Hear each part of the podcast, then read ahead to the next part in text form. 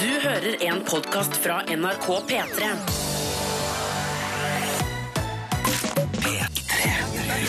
Juntafil. Norges pinligste pinligste radioprogram. Med Tuva Fellmann. Velkommen skal du være en dag i uka. Eh, Her på P3 så skrur vi opp volumet på sex, kropp og følelser. Jeg heter Tuva Fellmann og skal bli her frem til klokka sju. I dag så kom jeg faktisk i prat med en eh, fyr på bussen. Eh, Virka som en helt vanlig, hyggelig fyr. Jeg tipper han kanskje var sånn i 50-åra ish. Og ville da var pratsom og, og ville snakke. Og jeg hadde jo, jo alltid lyst til å snakke, så det, det var hyggelig. Og så prata jeg jo bare litt om været og sånne ting, da. men så spør han også hva, hva jeg jobber med. Så er jeg kanskje litt avvisende på det. Jeg var litt sånn ja, jeg jobber i NRK. Og så spurte han videre ok, og jobber i NRK, hva gjør du der? Nei, og jobber i P3 da, tenkte jeg. For jeg tenkte at juntafilprat kanskje ikke nødvendigvis liksom er så bra på bussen. Men han fortsatte og fortsatte, fortsatte, og til slutt tenkte jeg ok, ja, nå får det bare stå til. Så jeg la ut, jeg. Juntafil, sex, kropp og følelser. Vi snakker om alt fra gulrøtter i ræva til fargen på mens. Og jeg trodde han skulle få helt bakoversveis. Det gjorde han ikke i det hele tatt. Han takla det dritbra. Han var interessert og stilte spørsmål og var sånn OK, men hvordan gjør man da hvis man skal putte en gulrot i rumpa? Jeg skjønner ikke. Og, og jeg prata, og vi snakka og snakka. Og det, jeg, jeg kjente så veldig på Jeg ble ganske glad i denne samtalen, for jeg kjente på at uansett hvor gammel du er, hvilket yrke du har, hvilken status eller hva nå enn det måtte være, så er kroppen Altså sånn, det er så mye vi ikke veit om kroppen. Da. Eh, Både som enkeltpersoner, men også som samfunn. Det er så mye nytt med kroppen hele tiden. Og selvfølgelig da, hvis man blander inn sex og følelser i tillegg, så blir det jo en kake som ja, det er akkurat som man aldri tar slutt. Man bare kommer inn til nye lag med sjokolade hvor du bare kan spise deg gjennom i både kunnskap og erfaring. Eh, Og en av de tingene som, som faktisk er litt nytt, eh, er noe det som det skal handle om straks her rundt Afil på P3. Vi skal snakke om PREP eh, som er altså hiv-forebyggende medisin, og det har kommet til Norge, og vi skal straks snakke med de som deler dem ut.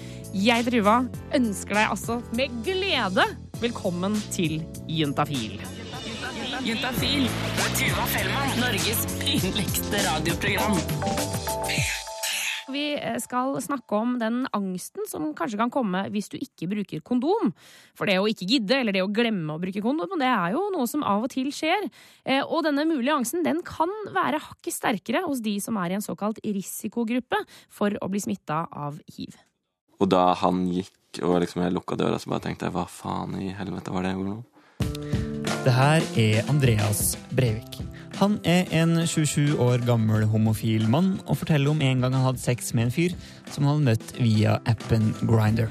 Nei, det er jo sånn alle sånne avtaler kommer i havn, er det ikke det? Liksom Hei, hva skjer? hva gjør du? Og begge to, vi visste jo hva vi skulle gjøre, men eh, og, Men så satt vi liksom og drakk litt først, da. Eh, så jeg ble ganske full. Og det her var en one night stand der han med en gang etterpå tenkte at han skulle ha gjort noe annerledes. Og, men det er jo bare Eller akkurat det med alkohol, at da mister man jo litt sånn her dømmekraft, og så gjør kanskje noe man vet er dumt eller galt, men så er det mye lettere å gjøre det når man er full. Det er spesielt ett tidspunkt denne kvelden der Andreas skjønner at han har glemt av noe. Eller er jo akkurat i det man liksom eh, Hva skal man si Det man kommer, da. Så eh, er det akkurat som man blir edru, eller liksom kommer til sansen igjen. Hvorfor brukte jeg ikke kondom? Jeg visste veldig godt at jeg burde ha brukt det. Nei, liksom akkurat i det sekundet Hva det heter Den lille død, akkurat når man har kommet ferdig, så blir i hvert fall jeg mye mer sånn fornuftig. Og da er det mye lettere å tenke klart. Og, og i det øyeblikket så er det jo litt sånn der ah, faen. Og det er denne lille angsten vi skal snakke om akkurat nå. Andreas, Ja. har du hiv-angst? Ja. Eller eh, Jo. Um, jeg, jeg, jeg tror det er en ting som hele tiden ligger der. Hvis jeg har hatt sex uten kondom, så er det alltid tilknytta en sånn eh, redsel med det. For det er jo tre måneder sånn testvindu. Det kan være tre måneder siden du hadde sex eh, til hiv blir påviselig, da. Så det er ganske lang tid å gå og engste seg. Så var jeg alene med angsten min. Og det her er nok noe som mange av dem som er i den såkalte risikogruppa for å få hiv, kan kjenne seg igjen i når man har hatt ubeskytta sex med noen som man ikke kjenner så godt. Og menn som har sex med menn, er en sånn risikogruppe. For Andreas gikk det fint den gangen her. Han hadde ikke blitt smitta av hiv. Men han kjente likevel godt på frykten for å få det. Og hva gjør man egentlig hvis man er redd for at man har blitt smitta? Jo, du tar selvfølgelig kontakt med legen. Og jeg ringte til Olafia-klinikken i Oslo. Ja, det er, mange, det er jo mange som, eh, som har eh, kaller mer en frykt da, for, å, for å bli smitta med hiv. Så, så, så, det er absolutt eh, en reell frykt som, som mange, av, mange, av, dem som kommer til Olafia-klinikken har. da. Og Grunnen til at jeg ringer akkurat Olafia-klinikken, er at de nå skal begynne å dele ut en type medisin som kalles for PREP, som gjør at man får veldig liten sjanse for å bli smitta av hiv. Nå nettopp har de starta med konsultasjoner med pasienter for å vurdere om de skal få denne medisinen gratis. Eh, vi har jo hatt konsultasjoner både forrige uke og denne uka, og så nærmer vi et vi sånn anslagsvis tror at vi har ca. 100 stykker som har meldt interesse. eller sånt. Jeg tror nok det kommer til å, kommer til å bli flere. For ikke så lenge siden så eh, fikk jeg vite da, at en, en nær bekjent av meg hadde fått hiv. Eh, og det var liksom ganske tungt. Eller reaksjonen min da jeg fikk vite at han fikk det, så var det eh, Det var, det var liksom veldig grusomt, da. Alt raste litt sammen i, i jeg unte ikke han å få et sånt problem i fanget. Og medisinen som kan forebygge hiv, den er altså helt ny i Norge. Og hva PREP egentlig er, og hvem som kan få det, det skal du få vite mer om rett etter The 1975. P3. Du hørte nettopp om Andreas som snakket om det å få, få liksom, litt angst uh, for å bli smitta av hiv. Uh, hvis man f.eks. har sex uten kondom. Og For et par år siden så studerte Andreas i USA, uh, og det var der han oppdaget PREP for første gang. Jeg hadde egentlig sett på liksom, sosiale medier at folk de skrev et eller annet om PREP, men jeg skjønte ikke hva PREP var. Jeg trodde det var en eller annen fetisj eller et eller annet sånt. og så møtte jeg en fyr, og eh, ja, vi hadde også Vi var ute, og så med, ble han med meg hjem. Eh, og så hadde vi eh, sex, og så eh, men, Og da brukte vi heller ikke kondom.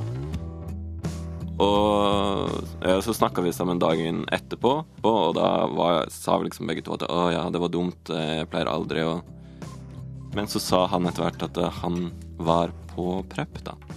Den liksom, den angsten, da, den Da hadde jeg ikke lenger noe å bekymre meg for.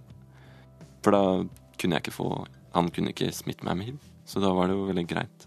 Og PREP er den medisinen som nå blir lettere tilgjengelig i Norge. Eh, PREP det eh, står for eh, preeksponeringsprofylakse. Ja da. Her er Horre Johansen, som jobber ved Olafia-klinikken i Oslo. De har akkurat begynt med konsultasjoner med pasienter som ønsker å få denne medisinen gratis. Tabletten den er blå og sånn uh, avlang. Og de skal veilede andre klinikker rundt om i landet, så det til slutt skal bli mulig å få tak i uansett hvor du bor i Norge altså sånn I utgangspunktet så er det jo, er det jo um, anbefalt primært eh, til menn som har sex med menn. Og man kan ta PREP på to forskjellige måter. En type tar man hver dag, litt som en p-pille. Og en annen kan man ta i en eh, kort periode der man tenker at man er utsatt for smitte, hvis man f.eks. skal reise på en tur eller lignende. Men hvem er det egentlig som kan få denne medisinen? Altså I forhold til hvordan ser liksom, livet deres ut, hvilken type seksualliv har dem, og hvor stor risiko eh, for hiv-smitte er det med. Men Får alle PREP gratis hvis de ber om det og er i risikogruppe? Eh, hvis den blir vurdert til å være i altså ha en såpass stor risiko at, at vi vurderer at det er et riktig tiltak, forebyggende tiltak å, å, å gi, så, så, vil de få det. Er man rett og slett immun mot hiv mens man bruker det? Nei, man er ikke immun, for det er ikke helt 100% sånn at vi anbefaler at man bruker kondom samtidig som man uh, står på press. Og så er det jo sånn at man fortsatt kan bli smitta av andre kjønnssykdommer. Og så er det jo en annen ting som vi også må nevne i denne sammenhengen. Nemlig at hvis man først blir smitta av hiv i Norge i dag, så er det nå veldig gode behandlingsmetoder for det. Å si at man ikke for eh, aids i Norge i dag, er vel ikke helt riktig å si. Men, eh, men samtidig så betyr ikke det å få en aids-diagnose at, at, det er dødelig. av den grunn. Altså, jeg har jo tenkt den tanken også. Åh, herregud, kan jeg ikke bare bli ferdig med den tingen her? Men Tilbake til Andreas, som er lei av å gå rundt og bekymre seg for å bli smitta. Han forteller også om litt spesielle og skumle fester som han hørte om da han bodde i USA, der folk møttes for å bli smitta med hiv. Eller liksom oppsettet var at man gikk på en eh, eh, fest hvor det var annonsert at flere liksom hadde, var hiv-positive. Eh, og så gikk man på den festen og liksom hadde sex med flere, da, uten at man visste hvem som var eh, hiv-positive. Eh, så liksom faren for å bli smitta var veldig stor, da. Tydeligvis var jo det motivasjon for å gå dit. Kanskje også fordi det var Eller eh, jeg tror også det var en sånn holdning om at eh, Som jeg også har kjent på, at eh, istedenfor å være, gå og være redd hele tiden for å få hiv, så eh, så er det kanskje enklere å bare få det, og så er man liksom ferdig med det. Så kan man heller gå på den medisinen, da. Og behandle det istedenfor å hele tiden ha en sånn frykt om at kanskje hvis at jeg får det. Men igjen, da, så tror jeg ikke jeg har lyst til å liksom forplikte meg til å måtte gå være avhengig av en medisin resten av livet mitt. Eh, kanskje blir den plutselig utilgjengelig, og hvis du ikke kan ta medisinen din, så, så sliter man, da. Um, reporter her var Remi Horgard, og du hører på Juntafil på P3. Du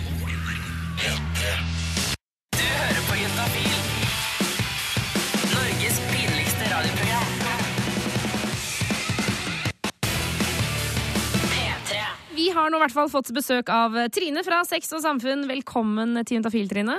Tusen takk. Du, Sex og Samfunn det er en gratisklinikk som ligger i hovedstaden. Eh, Men på sexysamfunn.no så er dere jo med resten av landet. Det Eh, er vi. For alle og enhver. Der er det en eh, chat som er oppe til kvart over ni i kveld, så du kan bare gå inn og stille dine spørsmål. Og så kan du sende de på SMS til 1987 kodeord juntafil, og så er det du og jeg som svarer på de. Eller det vil si, det er du som svarer på de, Trine. Ja, du hjelper litt til, du òg. Jeg kommer inn og synser og mener litt av og til, men eh, det er ikke noe legebakgrunn eh, i denne jenta, så jeg tror jeg skal overlate det meste til deg, altså. Um, skal vi bare hive oss på de første spørsmålene som har kommet inn, eller? Ja, det kan vi jo gjøre. Vi har fått inn SMS her, 1987 kodeord juntafil. Hvorfor faller jeg kun for drittsekker? Hilsen 29-åring. Ja. Det er jo et veldig godt spørsmål man kan stille seg selv. Det er litt rart det der at man går litt eh, og leter litt etter den samme type person. Og for noen så er jo det der med at hvis man vet at dette her er en person som kommer til å såre meg, så er det nesten litt tryggere. Ja, for da, da vet du, altså, du Du vet hvor det ender, på en måte? Ja, og at du veit at det, det blir ikke noe mer, du skal ikke noe forhold. At det, det er noen som syns at det kan være litt sånn litt trygt, nesten. Fordi eh, de vet ikke hvordan de ville hatt det andre veien. Og noen syns at det er verre å være drittsekken. Så man Ja. eh, vil i hvert fall ikke såre noen. Så hvis man møter en kjempesøt og snill fyr, og du tenker 'å herregud, han er superfin', men eh, Ja, at man ikke For Ja. er redd for å bli drittsekken sjøl. Ja, ikke sant? Men så tenker jeg også da det der med at um, hvis noen er veldig Hvis noen kommer til meg og tilbyr meg et eple, og så sier jeg sånn Ja, jeg kunne godt tenke meg et eple. Ja, men vil du ha det? Kom igjen, ta det. Ta eplet, da. Spis eplet, da. Så blir jeg sånn Nei, jeg vil ikke ha det, men jeg vil ha den bananen som er helt umulig å få tak i. Altså det er noe med liksom, hvis, eh, Snille folk er jo veldig ofte liksom på og tilgjengelige og ålreite og gjør det du har lyst til å gjøre. Mens drittsekkene de blir liksom litt uoppnåelige, på en måte. Og så er det noen som syns at det, det hadde vært gøy å være den som klarte å erobre denne drittsekken. Ja, ikke sant? Eh, Ja, at det, Han i skinnjakka, liksom. Ikke sant? At det han temme udyret og være den som vant uh, drittsekken og Jeg vet ikke hva slags kongerike han har, men uh... Det er vel Grünerløkka, da, som han hersker på. Men, men det må jeg bare si til, til Jente29. Jeg hadde også en, en, periode hvor jeg var sånn som deg. Bare falt for typer som bare ba, ja, rett og slett drittsekker. Men det kan også endre seg, da. For han som jeg er kjæreste med nå, han er ikke drittsekk. Han er kjempesnill. Helt motsatt av de jeg var forelska i før. Så det kan hende at du bare Altså At det kanskje er liksom mm, altså, den derre Idet du treffer den personen du liksom virkelig har lyst til å være med, så er det kanskje ikke en drittsekk. Nei, og det er jo også en ting at man, eh, man endrer jo behovet etter hvert òg. Kanskje akkurat nå så har hun ikke det behovet for å treffe den mannen hun har lyst til å få barn med. eh, Som hun skal leve resten av sitt liv med. Som på en måte er eh, det hun liksom har sett for seg. Kanskje akkurat nå er det andre ting som er mer spennende. spennende. Og så når hun plutselig kjenner at nei, vet du hva, nå er jeg faktisk drittlei drittsekker, så pang, så dukker det opp en helt annen person som snurrer henne helt av ende. Ikke sant? Også, og det kan, vi må bare legge til at det kan jo hende at drittsekkene også blir ålreite fyrer. Har jo sett ha, mange eh, kompiser som er det jeg definerer som drittsekker, som treffer en dame, og så blir de bare sånn som små fløtepuser som bare er snille og søte hele tiden. Ja, men det er ikke vits å prøve å liksom skulle være den som får dem til å bli flørtepuser. Altså, Du likte ikke det? Det var, det var ikke et forslag fra deg. jo, jo, men, men at man ikke går inn med det som er sånn Nå skal jeg klare å få omvende liksom. denne drittsekken. Ja. Ja, men eh, det er jo Alt er jo hva man selv ønsker, Mm. eh, og hva slags behov man har. Og hvis man virkelig går litt inn i seg selv og tenker ja, men hvorfor vil jeg ikke være sammen med den hyggelige fyren, da? Ja, Ikke sant? Istedenfor å snu det litt på det. Hvorfor faller jeg for drittsekkene? Hvorfor vil jeg ikke falle for de, eh, de som er snille med meg? Ja, og hva er, det, hva er det i drittsekken som jeg liksom, Hvis du klarer å liksom pinne ut hva er det som gjør at jeg blir keen på han, og kan jeg finne det i noen andre som ikke er duste? Ikke Kan jeg klare å vri det på en eller annen måte? Det er en vanskelig øvelse, men, eh, men det kan hende at det er mulig. Eh, masse lykke til, eh, jente 29, eller gutt 29, det vet jeg ikke, men det var nå en 29-åring. Man antok at det var eh, gutter som var drittsekker, og at dette var en jente som spurte. Uff Å, fordomsfullt! Ja, det var veldig Jeg legger meg helt flatt. jeg legger meg helt flatt. Samme. Eh, Vi tar for oss flere spørsmål. 1987, kodeord juntafil, still inn spørsmål om sex, kropp og følelser. P3. P3. Vi svarer på spørsmål som kommer inn til 1987, kodeord juntafil. Du kan også stille inn spørsmål inn på sexsamfunn.no. Ok, eh, altså Trine, vi må bare hive oss på. Ja. Ja, her står det eh, på SMS. Hei. Eh, jeg treffer kjæresten min hver måned eh, noen dager pga. Av avstand. Hver gang så får jeg urinveisinfeksjon. Når tar det slutt? Har hatt det seks ganger de siste seks månedene og er frustrert. Vet du hva, Ja. det skjønner jeg. Ja, det skjønner jeg jo. Det er utrolig kjedelig å ha urinveisinfeksjon. Eh, det aller viktigste jenter kan gjøre for å hindre urinveisinfeksjon, er å gå og tisse rett etter sex. Ja, men Funker det? Er det en greie? liksom? Jeg har hørt at det er et kjerringråd. liksom, kjer- Nei, fordi det, altså de bakteriene, bakteriene som kan være i underlivet der, som går litt her og der når man har sex, fordi det blir så mye flytt på væsker og det som er. Gnikking og gnukking. Ikke sant? Eh, De kan da finne veien til urinrøret ditt. Ja, for da krabber de opp i urinrøret, da? Ja, og det, det som er, gjør at jenter oftere får det enn gutter, er jo det at jenters urinrør er så kort. Mens gutters urinrør er veldig langt. Ja, Så de der rekker ikke bakteriene å krabbe helt ned før de går og tisser? De klarer ikke å komme seg opp i blæra, nei. Så det er derfor jenter lettere får urinveisinfeksjoner. Men, men gutter kan få det? De kan få det, ja. Ok, Mm. ok. Så, så, så det du sier er at hun må rett og slett gå, gå og tisse rett etter sex? Det er ett poeng, ja. Ja. Og så er det jo det å, når man først merker at man begynner å få litt sånn svi og sånn, være litt flink til å, å drikke litt ekstra da. At man eh, på en måte får skylt ut blæra litt. For det som ofte gjør, er at det gjør vondt når man tisser, og da kanskje man drikker litt mindre for å slippe å gå på do. Og så da er det liksom mer bakterier. Men hvis du får liksom skylt ut litt, så kan det, det være et godt uh, poeng. Ja, og jeg har hørt at man skal ha oppi liksom enten sitrus eller for eksempel tranbærjus oppi vannet.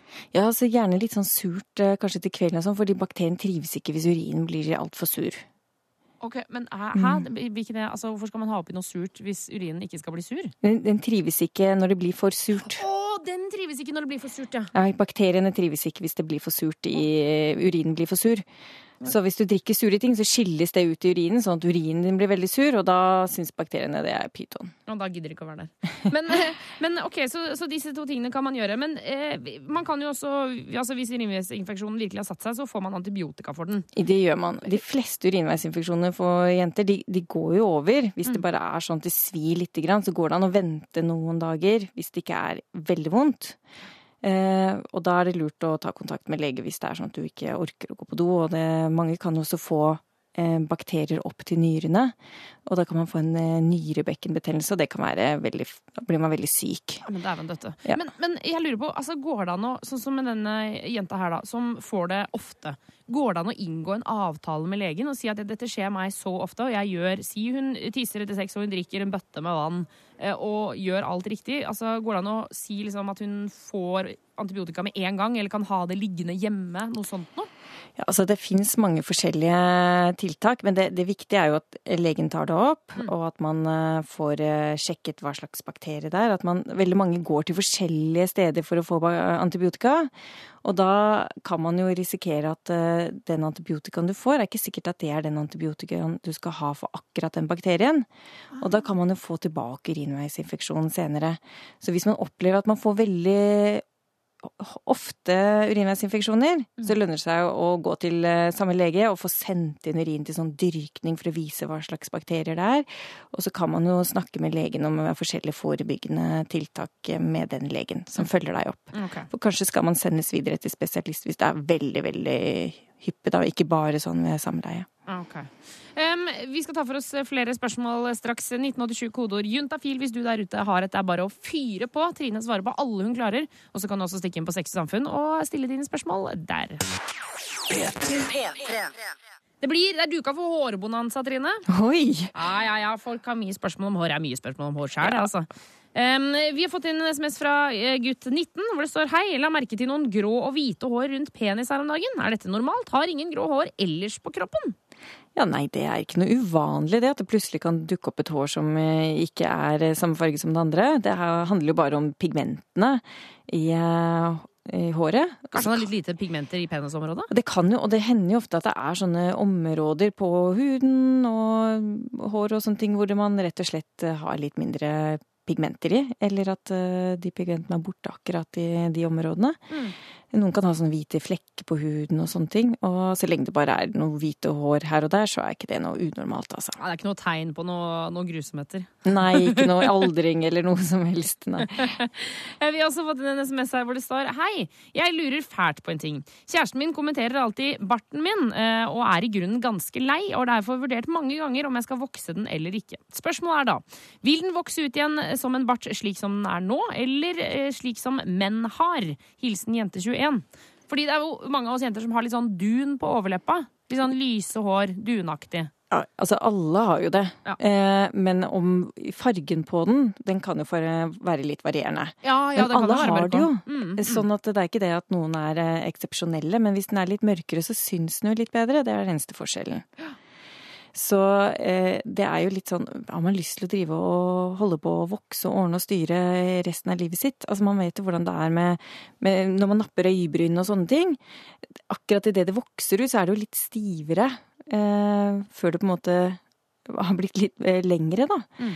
Og det vil jo også være sånn på overleppa. Eh, så man trenger vel kanskje ikke å, å begynne å vokse, for da må man liksom holde på den ha en periode hvor det liksom er litt sånn små utvekst, og, og, det kan bare bli mer stress for deg. Jeg tror vi må bare bli litt mer avslappet med at uh, vi har hår. Ja, fordi, men, men altså, det du sier da, si, For jeg har jo uh, også sånn på overleppa. Hvis jeg vokser dette det vil ikke, uh, For jeg har lyse hår. Det vil ikke komme ut som sånn svarte mannehår. Nei liksom. da, du har det håret du har der. Men det er litt stivere, på en måte? Før det, fordi akkurat idet det vokser ut, så er det jo ikke blitt Altså korte tråder. Når du skal tre nål og tråd, er tråden veldig kort, så er den stiv. Men hvis du prøver å tre en nål som er veldig lang, så er den ganske myk. Ja, Eller hvis tråden har ligget i skuffen veldig lenge. Og blitt gnikket litt på, ja. så er den også litt mykere. Ikke sant. Så jeg tenker at uh, kanskje bedre å ikke satse på hvordan det blir etterpå. Det er ikke noe farlig å godt vokse en gang, altså se hva som skjer. Mm. Den vil jo vokse ut til slutt. Men uh, å måtte holde på med det hele tiden bare fordi kjæresten lager noen uh, morsomme kommentarer på det, syns jeg heller man kan bare konfrontere kjæresten sin med det. Vet du hva, jeg syns faktisk ikke det er noe kult at du snakker om det. Ja. Vil du heller at jeg skal uh, vokse den og at jeg kan risikere å få litt sånn skjeggstubber? Mm. Man får jo ikke det, men bare konfronter ja, kjæresten litt med det. På, liksom. Ja, og bare Vil du det? Ja. Ja, fordi jeg tenker sånn For det første synes jeg, jeg synes jo det er litt kjipt av han kjæresten. Jeg synes, det syns jeg er litt dårlig stil. Det er dårlig stil. Jeg, jeg, får nesten litt lyst til at hun skal si noen, uh, noen ja. ting om han, men det er heller ikke så god stil. Men, men, men jeg har, håper, da, jente 21, at du kan på en måte bare forsone deg med at du har litt bart. Fordi det er, fall, det er min taktikk. da Og hvis ikke du kjører den samme taktikken, så føler jeg at jeg må begynne å endre taktikken. Da må vi plutselig alle sammen begynne å si sånn, begynne å vokse overleppa hele gjengen. Det er helt, helt bak mål. Det er sånn dominoeffekt dette her. Så jeg bare Kan vi ikke nå være så snille, jenter? Ja, vi har litt hår på overleppa. Så drit i det.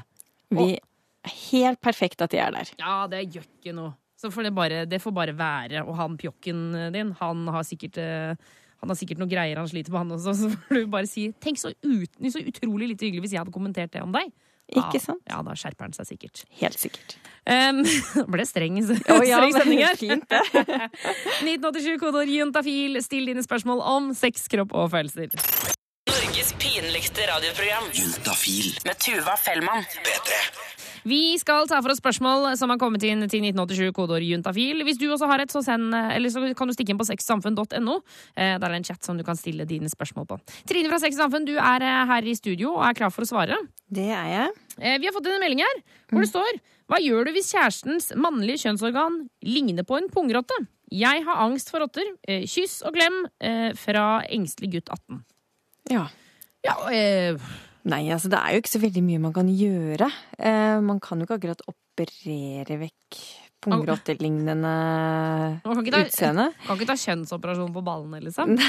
Eller jeg, bare, jeg regner med at det er ballene som ser ut som en pungrotte, da. Ja, Det står jo bare at det er hele utstyret her, Ja. men uh... Men du vet, pungrotte, de altså Det er jo noe ordspill her som jeg tenker kanskje ligger til bunn. Absolutt. Pungrotte og pungen, liksom.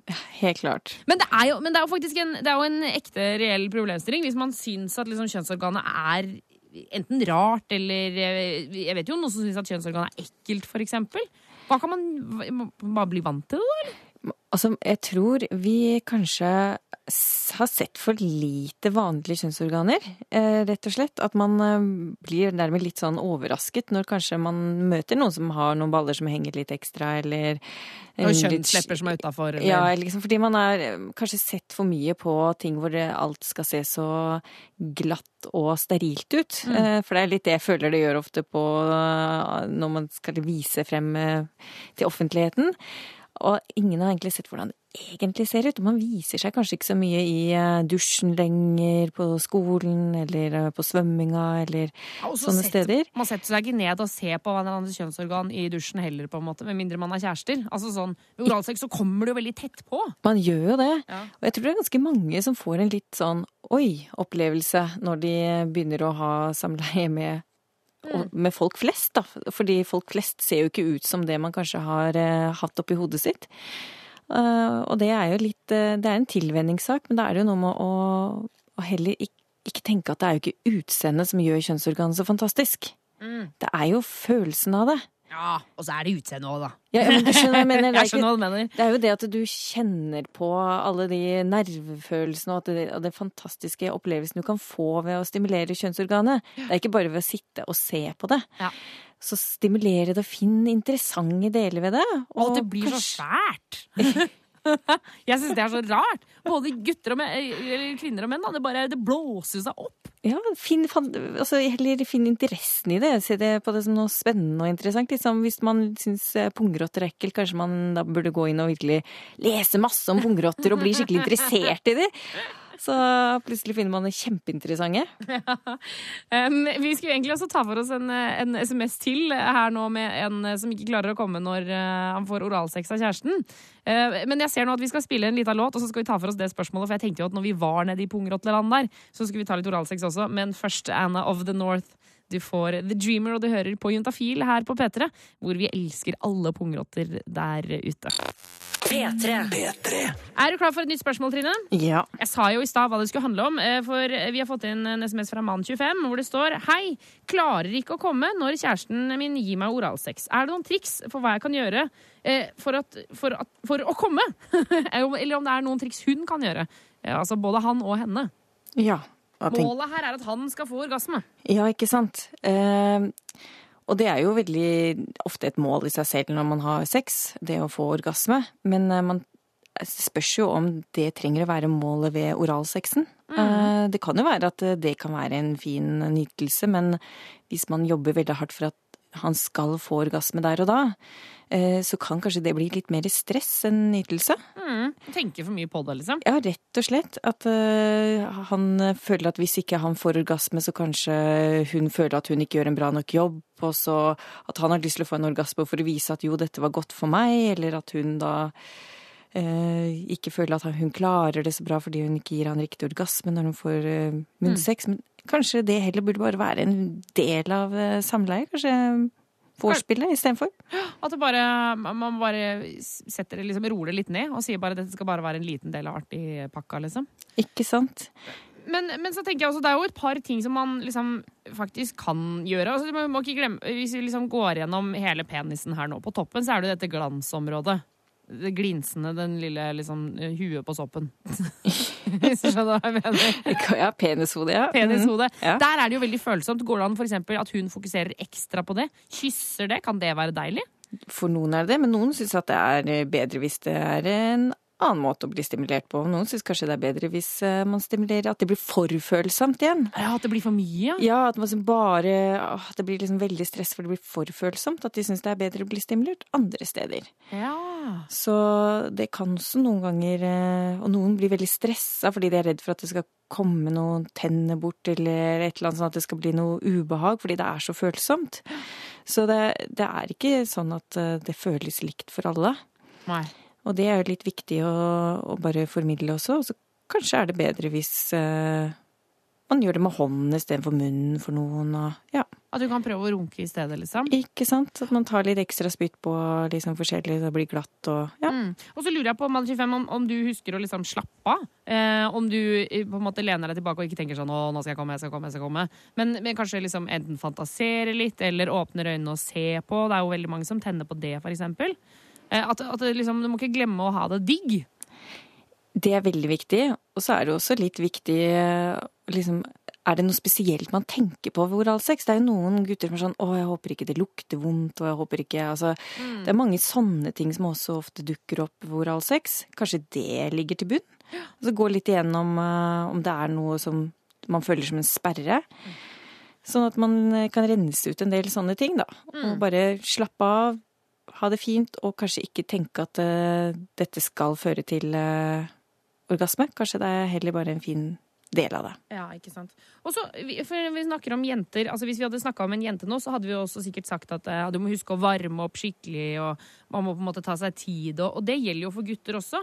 Eh, du kan jo f.eks. tipse kjæresten om å, å kanskje ikke gå rett på suging, men kysse rundt omkring, eh, på en måte spre beina, løfte og ta og kjenne før man liksom begynner eh, å putte noe i munnen. Altså virkelig liksom ta seg tid, da. Fordi gutter må vel varme opp like mye som jenter, egentlig? Ja, ofte kanskje ikke like mye. Noen kommer Altså får man veldig rask respons. Men det er helt klart at det er jo fint, og det er viktig at man eh, lærer å kjenne kroppene til hverandre. Ja, ikke sant? Men fordi, ja, For responsen kommer jo, ståen kommer, men det kan jo hende at hodet ikke er med. Det Helt kan jo hende klart. at han ikke er kåt og klar. Og, altså, den, den, eh, den kan reise seg selv om han ikke nødvendigvis er sånn kjempekeen, liksom. Absolutt. Veldig godt poeng, det, altså. Ja, Så må ta tida di, og så slapp av. Det gjør jo ikke noe om du ikke får orgasme. på en måte. Gjør det sånn som du sa, Trine. Gjør det til en del av vorspielet. At det ikke skal ende der, på en måte. Kan være en god idé. Kan være en god idé. Juntafil med Tuva Fellmann. Trine fra Sex og Samfunn sitter her og svarer på spørsmål eh, du kan stille dine til eh, Eller inne på sexsamfunn.no. Og så har det jo kommet inn mye SMS-er i dag, Trine, som, eh, som vi jobber med. Ja, veldig. Ja. Em, vi har fått inn en SMS her fra en jente på 23 år. Kan man gli... Fokusere her. Kan man bli gravid av den gjennomsiktige væsken som kommer ut av guttens penis? Og da lurer jeg på om hun mener det som kommer før sjølve utløsninga. Hva tenker du når hun spør om? Jeg tror også at det er det hun lurer på. For det, det kommer jo litt sånn eh, glidemiddel, nærmest. Lystvæske er det noe som kaller det. Gledesdråper. Ja, Jeg syns det er så rart. veldig, veldig rart. Tenker, det, Hvorfor sier vi liksom ikke at penis gråter? Gledestårer? Ja, Nei, det det vil de sier ikke det samme om kvinners eh, væske. poeng, Ja, godt der er det liksom ikke noe sånn lyst og glede og sånne ting. Så ja. Ja, det er det vi skulle kalt det. Ja. Ok, Men det er i hvert fall dette greiene som kommer altså, før utløsning. Eh, et godt stykke før også ofte. ja. Um, kan man bli gravid av det? Vet du hva, det er sånn, kan jeg si at de lærde strider litt eh, der. Eh, Det er gjort veldig mye undersøkelser av disse spermene, og veldig mange sier at, det, at man rett og slett har tatt tester da, og sett etter spermceller i den væsken. Eh, Og mange sier at det, er ingen spermceller som lever der, og at det ikke kan gi noe eh, graviditet. Og så er det noen som har sett at det er levende spermier der. Så er det spørsmål, er det da kanskje fordi man nettopp har onanert, at det kan ligge igjen levende spermer i eh, urinrøret, eller var det en feil ved de prøvene som ble tatt? Altså, så eh, mange lurer på dette fordi de eh, tenker at de kan gjøre sånn hopp av i svingen-metode for å hindre at de blir gravide. Mm. Det er jo hopp av i svingen er jo da at man eh, har sex, og så trekker gutten seg ut rett før utløsning. Og så kommer man ikke inn i jenta. Og det er litt derfor mange lurer på det her. Ja, ikke sant?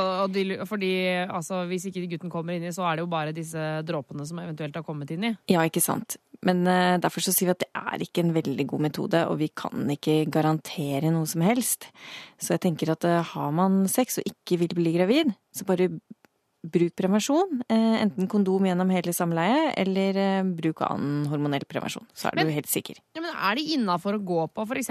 p-piller eller sette inn en p-stav eller spiral eller hva nå enn det måtte være, selv om man ikke har fast partner? Eller er det litt sånn dumt å gjøre? Jeg tenker at det er veldig greit, eh, fordi det er, skjer jo en del feil med disse kondomene. Mm. At man ikke setter dem på riktig, at man, de sprekker, at man glemmer å ta det på.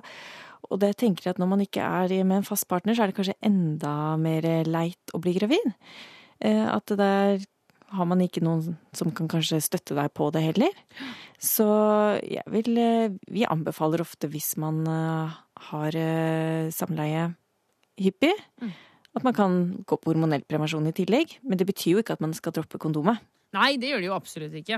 Men jeg tenker også at det er så my mye eller sånn som jeg opplever det da, det er jo mye positivt med p-piller også. Du kontrollerer jo menstruasjon på en helt annen måte. Det er masse fint der, liksom. Så det kan jo hende at det bare Man kan jo gå på det uansett, tenker jeg, da. Men jeg er jo ikke lege, så jeg vet. Og veldig mange jenter som kommer til oss, har droppet prevensjonen sin fordi det er blitt slutt med kjæresten, og så fortsetter de jo å ha sex.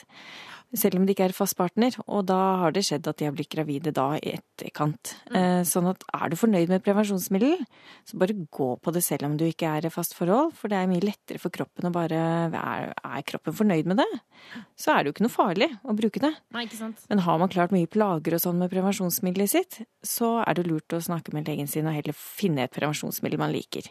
Eh, Vi har også fått med jeg tenkte vi kunne ta med den også, en SMS fra en jente på 16 eh, som lurer på om man kan bli gravid dersom en gutt fingrer deg med sæd på hånda.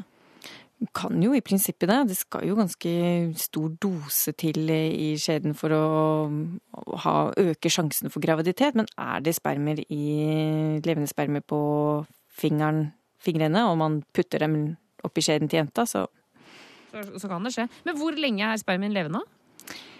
Nei, altså jeg må innrømme at jeg har ikke Det tallet har jeg ikke i Men det er altså. ikke sånn hvis den, hvis den har tørka inn? Det er ikke Nei, ikke sant. Det er ikke sånn at hvis du setter deg på sånne dosetetanker og alt dette her, det, det, eller svømmer i svømmebasseng hvor noen har hatt utløsning og sånn, sånn blir man ikke gravid. Nei, ikke sant. Det skal liksom være i heten, og man går jo heller ikke rundt med spermer på hånda og sånn.